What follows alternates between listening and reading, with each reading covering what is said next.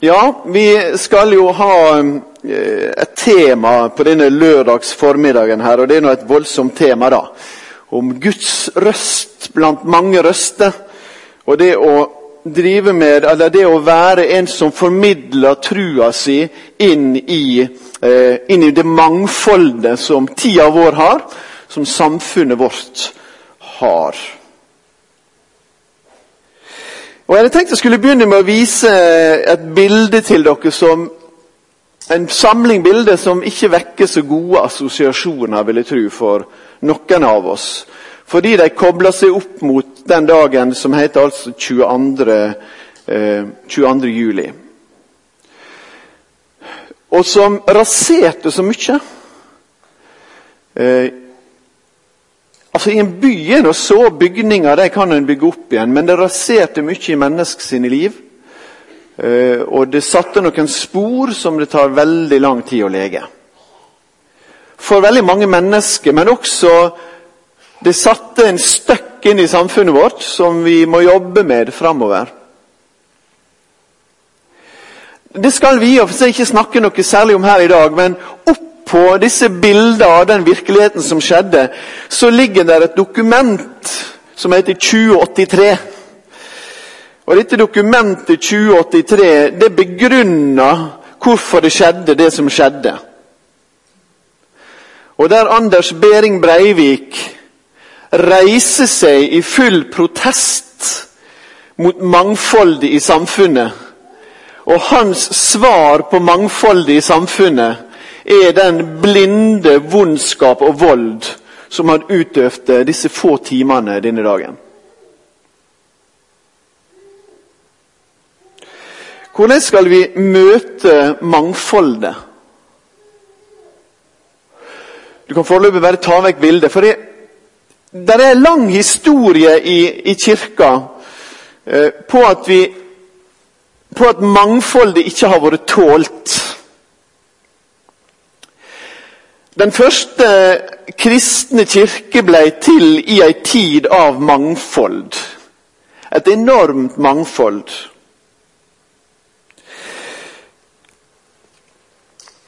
Men veldig tidlig i kirkas historie så en, begynte en å møte Når kirka begynte å bli stor, når den begynte å dominere, så begynte kirka sjøl å møte mangfoldet med makt. For å tvinge kirka si tru videre. Og Det er det Anders Behring Breivik har gjort. Han prøver å bruke makt mot mangfoldet.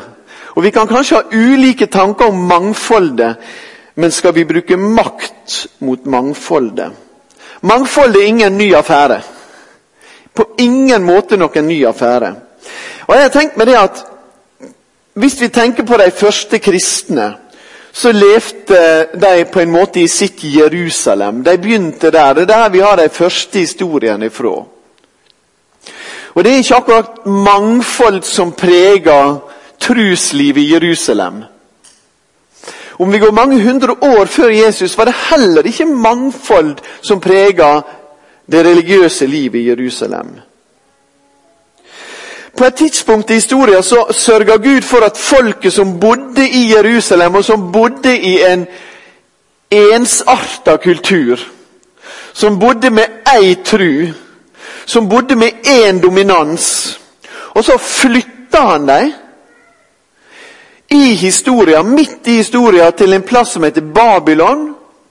Og der de møtte et helt annet trussett og levesett og tankesett og et helt annet mangfold i verdenshovedstaden Babylon.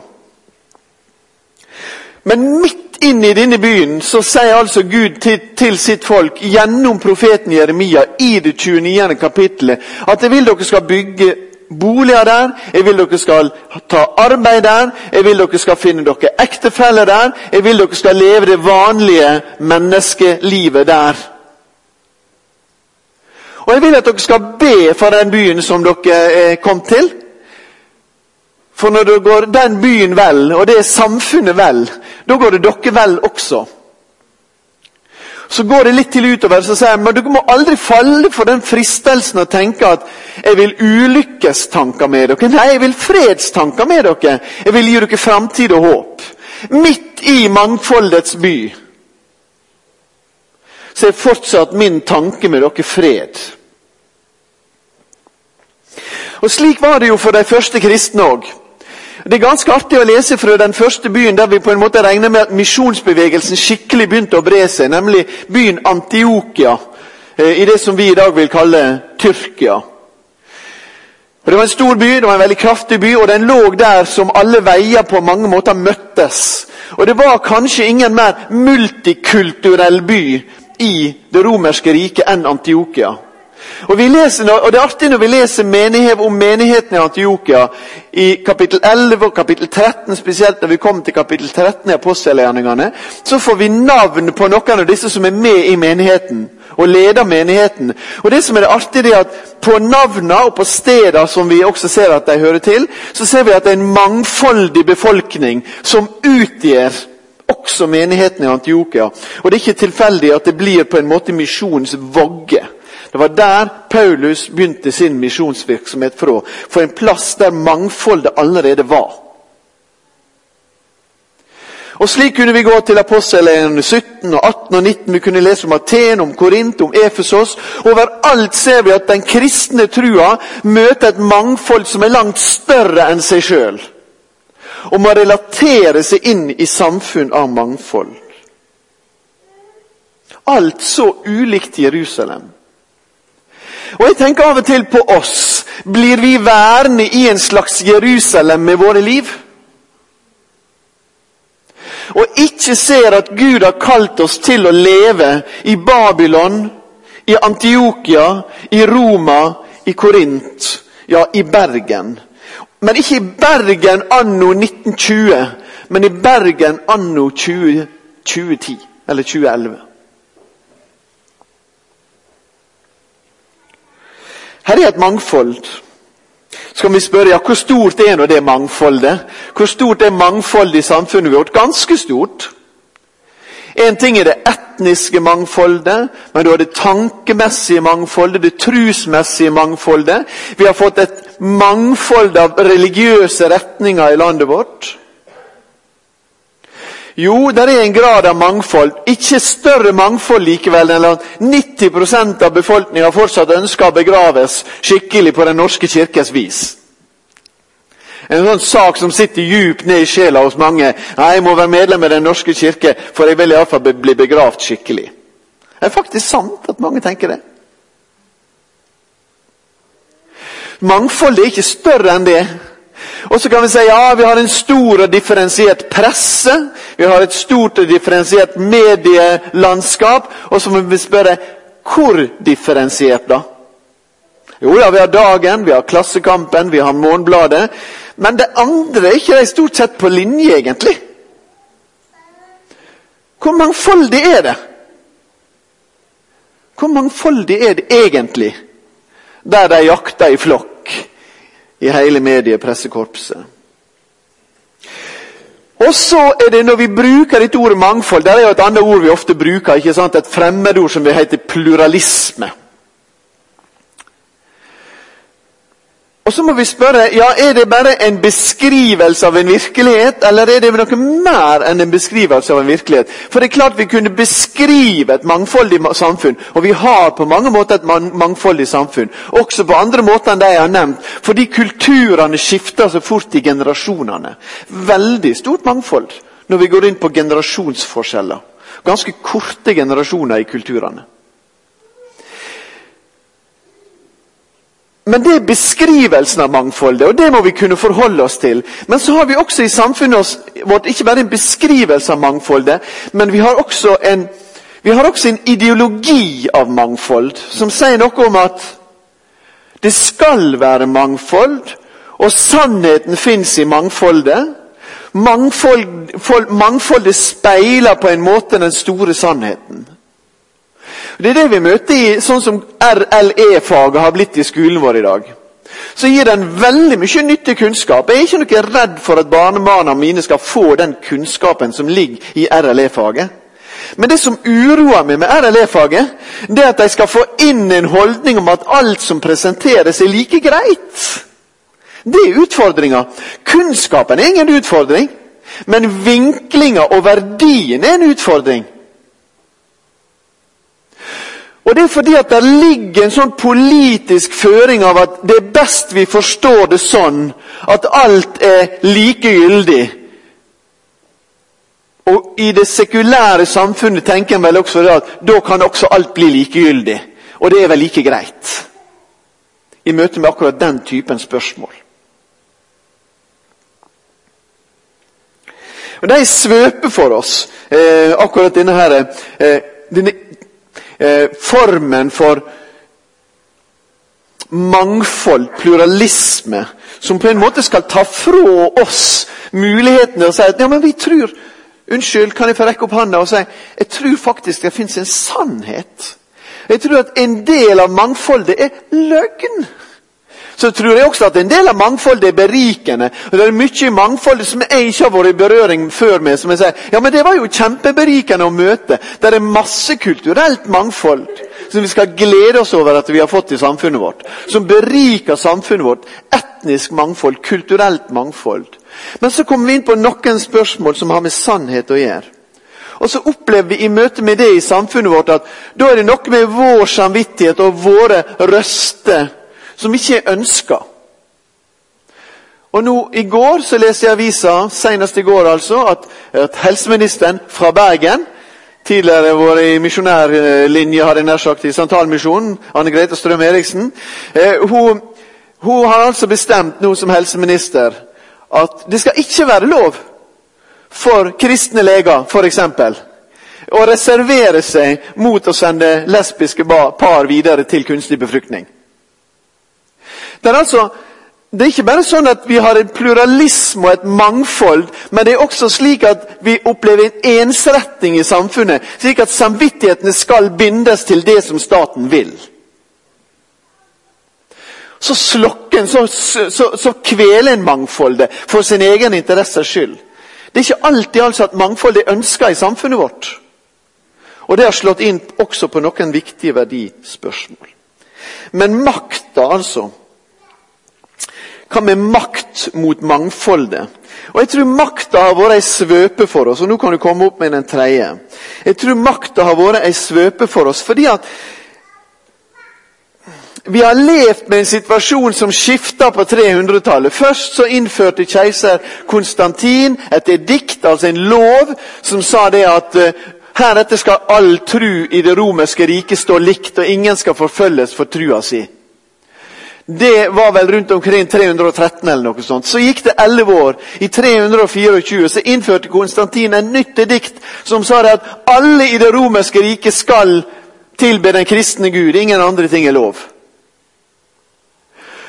Og så gikk det faktisk ikke så mange tiåra, så framsto det kristne ledere som altså for noen få tiår siden hadde blitt forfulgt for trua si i det mangfoldige samfunnet. Og så er de sjøl blitt forfølgere av all annen tru i det enfoldige samfunnet. Altså i det ensretta samfunnet. Og var det så mye bedre? Og så har vi altså levd i 1700 år på dette kontinentet vårt med en kirke og kirker rundt omkring i de mange landene som har levd sine liv symbiotisk tett på som en del av statsforvaltninga, som en del av keiserens mandat, nesten. Og Vi har ikke visst hva som har hørt til Gud, og hva som har hørt til keiseren. Det har blitt ført sammen. Og Kirka er blitt en del av, har i 1700 år, iallfall i 1500-1600 år, på vårt kontinent vært en som har brukt makta til å undertrykke andre.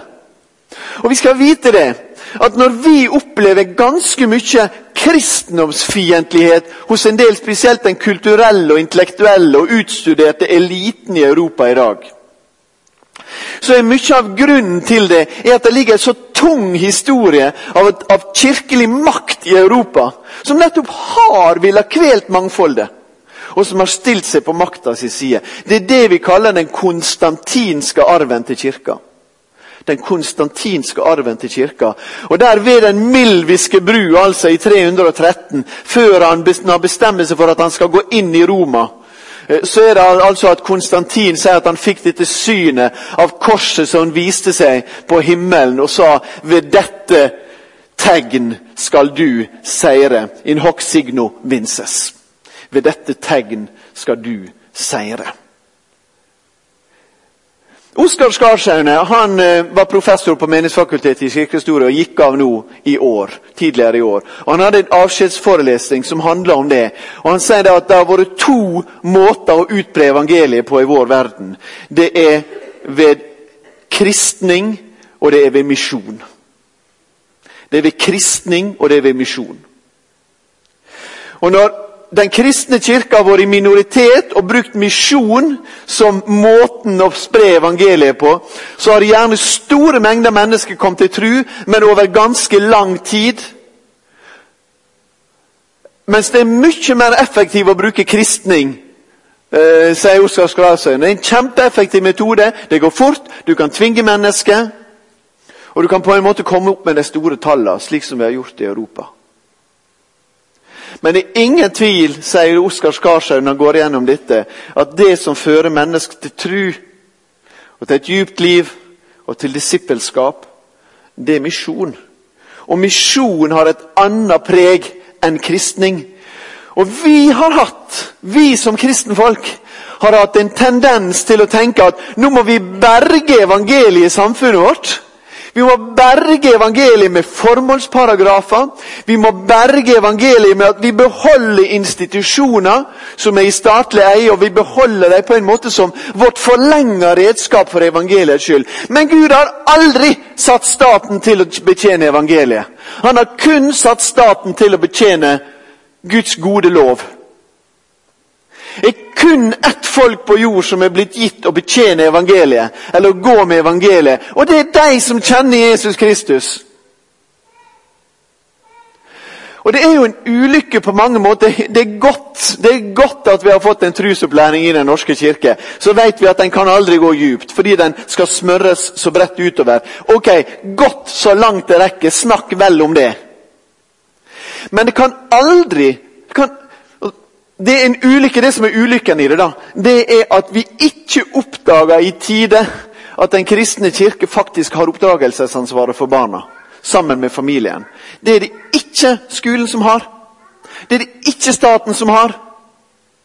Og vi levde lenge i den trua vi som sto der ved skolen i, eh, på Kristi Krøbbe, som jeg jo gikk på noen år, eh, og sto på krøbben der, og så sto vi ved siden av pulten, og så skulle vi gjøre noe kristelig hver morgen. ikke sant? Det var enten å lese alt i freidig når du går veier Gud å kjenne, eller det var å be Fader vår, eller de gangene jeg krympa med når vi hadde trosbekjennelsen og sa 'kjøres oppstandelse', hi-hi, og det evige liv. Amen. Eh, så vi gjorde mange kristelige ting, og skolen tjente på mange måter en oppgave. Men det var et feil system. For det har aldri vært staten som skal ha ansvar for å oppsede oss i kristen forsaking og tru. Jeg sier ikke at skolen ikke skulle formidle kristen tru. Jeg mener skolen gjerne skal formidle kristen tru, men ikke på en slik måte at vi ser vekk fra ansvaret som den kristne familie og den kristne menighet har. Det er der ansvaret ligger for trusformidling. Det er der ansvaret ligger for trusformidling. Og Så gjorde Kjell Bondevik om på dette i 1969. Splitta bandet mellom kirke og skole. Velsigna være han. Men det gikk 30 år før vi oppdaga det som kristenfolk. Det gikk 30 år før vi oppdaga det og satte i gang trusopplæringsprosjekt. Og Nå ligger det der som en enorm utfordring, ikke bare i Den norske kirke, men i Betlehem, i Bergens Indremisjon. På hva måte skal vi gi barna våre som vokser opp, denne fantastiske gjengen som var her, på hva måte skal vi gi dem et trusrom? Å lære tru, å utvikle tru og leve tru i. Og Vi må aldri spørre rope på staten etter det mandatet og, og, og henvise det mandatet til Reimer. Vi må ta det mandatet og si det er vårt. Gud har gitt oss det. Det er en guddommelig gave og oppgave til oss. Den konstantinske makta. Jeg kunne også sagt noe om den modernistiske svøpe, som også er på en måte et sånt makttrekk Fordi at der er det på en måte La oss bruke markedets makt. La oss bruke markedsføringa sin makt. La oss lage strømlinjeforma menigheter. La oss lære modeller. La oss reise verden rundt og lære av de store pastorene og profetene og apostlene på hvordan vi skal gjøre det. How to do, how to do. Hvordan kan vi med noen få grep klare å få ting til? Det er en hedensk måte å tenke menighet på. Gud har aldri bedt oss om å bygge hans menighet med metode. Gud har aldri bedt oss om å stole på markedet. Kan ikke vi bruke kunnskap? Jo, vi kan bruke kunnskap fordi Guds kirke også er en synlig ting i dine, denne verden. Men vi må på en måte ha sinnene våre rett vendt når vi skal bygge menighet. Slik at vi gjør det vi skal gjøre først. Lytte til Guds røst. Og våge avmakt. Å våge å satse på det skjøre. Å våge å tro at Guds ord har bærekraft. Å våge å tenke og leve det ut i våre liv at bønnens fellesskap er en åndelig kamp som må kjempes. Det kan bli ytre vekst uten det, men kan aldri bli åndelig vekst uten det.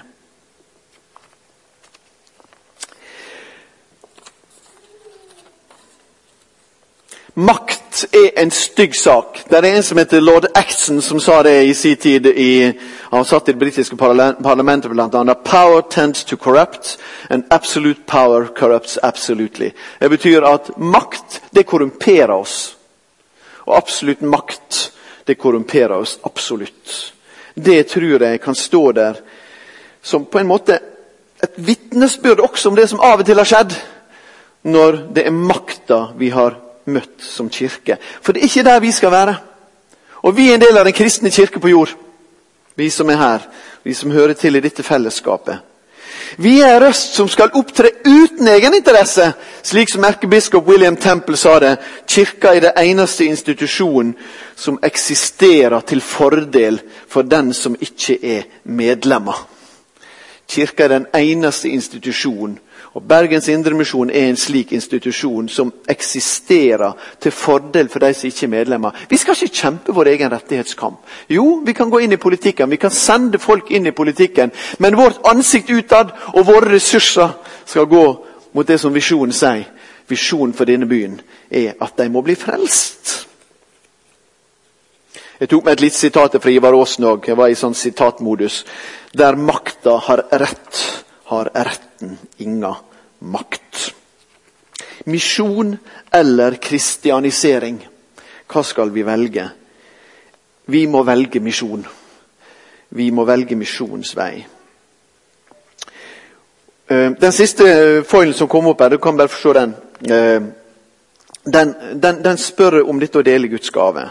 Og på en måte hører den til noe utover i resten av det som jeg skal si. Eh, fordi at Gud har gitt oss Gud har gitt oss sine middel. Han har gitt oss fellesskapet. Han har gitt oss Guds ord. Han har gitt oss bønna. Han har gitt oss brødsbrytelsen. Han har gitt oss diakonien. Han har gitt oss å være sammen. Han har gitt oss alle disse tingene, dette, han har gitt oss etterfølgelsen, som disse tingene kan få lov å stå der som ulike bilder og eksempel på. La meg si litt om det som jeg opplever som Guds kall til oss når det gjelder trusformidling. Eh, og i det å og vi, Når vi snakker om Guds røst blant mange røster i dag, så snakker vi altså ikke om å lytte til Guds røst blant mange røster. Det ville vært en annen eh, tale. Men det er det å representere Guds røst inn i en tid med mange røster. På hvilken måte kan vi, som Jesu Kristi etterfølgere, representere Guds røst blant de mange røstene? For det første, vi har et kall til å finne Guds røst i den stille susinga. Og vise til Han ved sjøl å leve et stille og rolig liv i Guds frykt.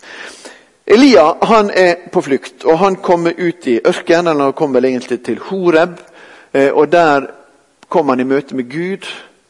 Eh, og Gud kommer han i møte.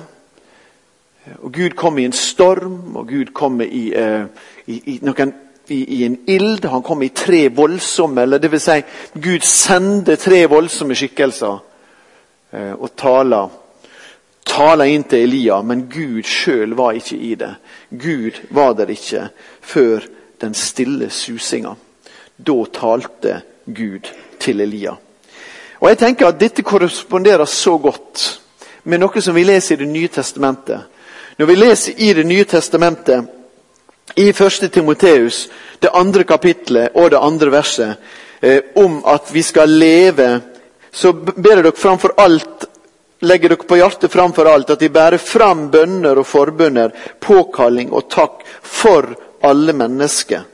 Be for konger og alle som er i høg stilling, så vi kan leve et stilt og rolig liv i Guds frykt, og slik vinne respekt.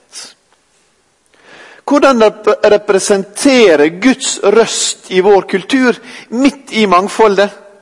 Og Det er veldig utfordrende svar som det første svaret som blir gitt. Vi skal leve ut Guds røst ved å leve et stille og rolig liv i gudsfrykt, og slik vinne respekt.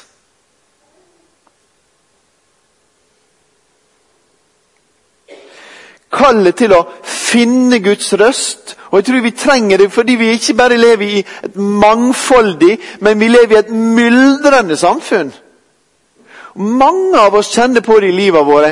Hvor finner denne roen og denne, det tempoet i livet mitt som gjør at Gud, du kan tale til meg i stillheten? For sånn som det er nå, så er du nødt til å brøyte deg vei. Men jeg trenger at Gud taler til meg i stillheten. Så han kan få vise meg hva det betyr å leve et stille og rolig liv i Guds frykt. Det andre svaret jeg vil gi på hvordan denne røsta kan ha en betydning og være i vår tid, det er kallet til et hellig liv i etterfølgelse. Og med mitt og ditt enkeltvise kall til et hellig liv i etterfølgelse, så følger det også et hellig liv som fellesskap. Og jeg, Det er mange sånne definisjoner på diakoni, og noen er bredere og noen er smalere. Men jeg tenker at en av de, en av de litt smale, men gode definisjonene på diakoni nettopp er det hellige livet som fellesskapet lever ut.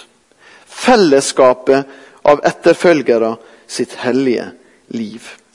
Det er veldig veldig påfallende i Det nye testamentet. Jeg vet ikke om dere har lagt merke til det. Jesus gir i slutten av hvert evangelium, og helt tidlig i apostelgjerningene, så gir han et bud til disiplene sine. Gå ut i verden Bryt grenser, gå til alle folkeslag, Forkynn evangeliet. Men har dere lagt merke til at etter apostelgjerningene, det første kapitlet, så, så, så, møter vi nesten aldri det budskapet igjen, bortsett fra når Peters tvinges over ei grense, og når Paulus settes i bevegelse for sitt store oppdrag. Men når det gjelder vanlige mennesker som tar del i det oppdraget, så møter vi aldri i Bibelen oppfordringa til å gå ut, annet enn fra Jesu egen munn. Det gjelder jo litt, det også, da. Men det er påfallende hvor taust det er i breva. Det er påfallende hvor taust det er hos apostlene om å si til menighetene 'gå ut'. I 3. Johannes brev står det noe om noen misjonærer, men det er også det vi møter. og Det er et relativt lite og ukjent brev. Men det er én ting det står fryktelig mye om i brevlitteraturen. Det er en ting det står fryktelig mye om som er adressert til de første kristne. Og det er kallet til et hellig liv. Kallet til et hellig liv. Til søskenkjærlighet, Johannes 13, 1. Johannes 4. Til diakoni og tjeneste, Hebreerbrevet 13. Til kjærlighet og fellesskap, 1. Tesalonikerbrev 4. Vi skal ikke lese så bare nevne det. Til gode gjerninger, skriver Titus. Fire-fem ganger i løpet av tre kapittel så er han skikkelig inne på dette at vi er kalt til gode gjerninger. Og Peter også skriver at vi er kalt til gode gjerninger. Og selv om de skulle spotte dere for de gode gjerningene, så skal vi fortsette å gjøre dem, sier Paulus, så de kan bli til skamme og prise Gud. Ja, Akkurat det samme sier Jesus også i bergpreika, at vi skal være lys og salt, så de kan se de gode gjerningene våre og prise Far vår i himmelen. Det er faktisk et kjempeviktig kall for meg og deg som kristen, og for oss som kristent fellesskap, å føre et hellig liv i verden som kan komme til å bli spotta. Jesus ble spotta. Og vi blir spotta når vi lever som Jesus levde. Det må vi regne med. Det er en del av den ordinære forfølgelsen av den kristne kirke. Og Vi er kalt likevel til dette hellige livet, som i siste omgang også kan vise seg å avtvinge en respekt i det å være en Guds røst i et mangfold av røster.